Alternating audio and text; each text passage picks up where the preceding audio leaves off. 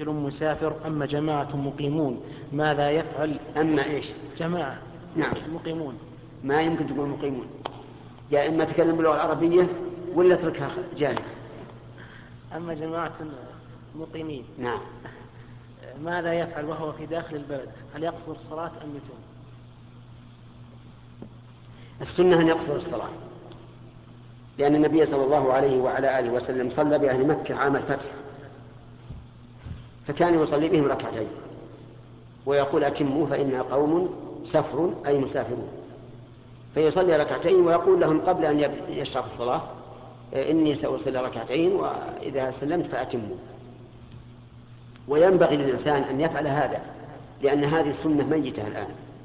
يعني لو فعلها إنسان آه، إن كان من ممن لا يشار إليه بالعلم فإن الناس سيصلحون في وجهه ويخطئونه.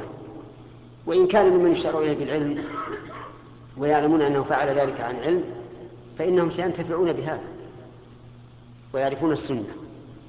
كما كان الناس في الأول ينكرون سجود السهو بعد السلام ويرونه مبطلا للصلاة. فلما عرف الناس ذلك وصار الأئمة يفعلونه صار أمرا مألوفا عند الناس ولا يستنكر.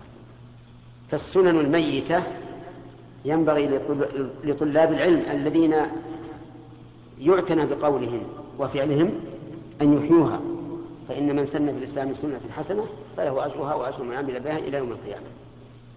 نعم.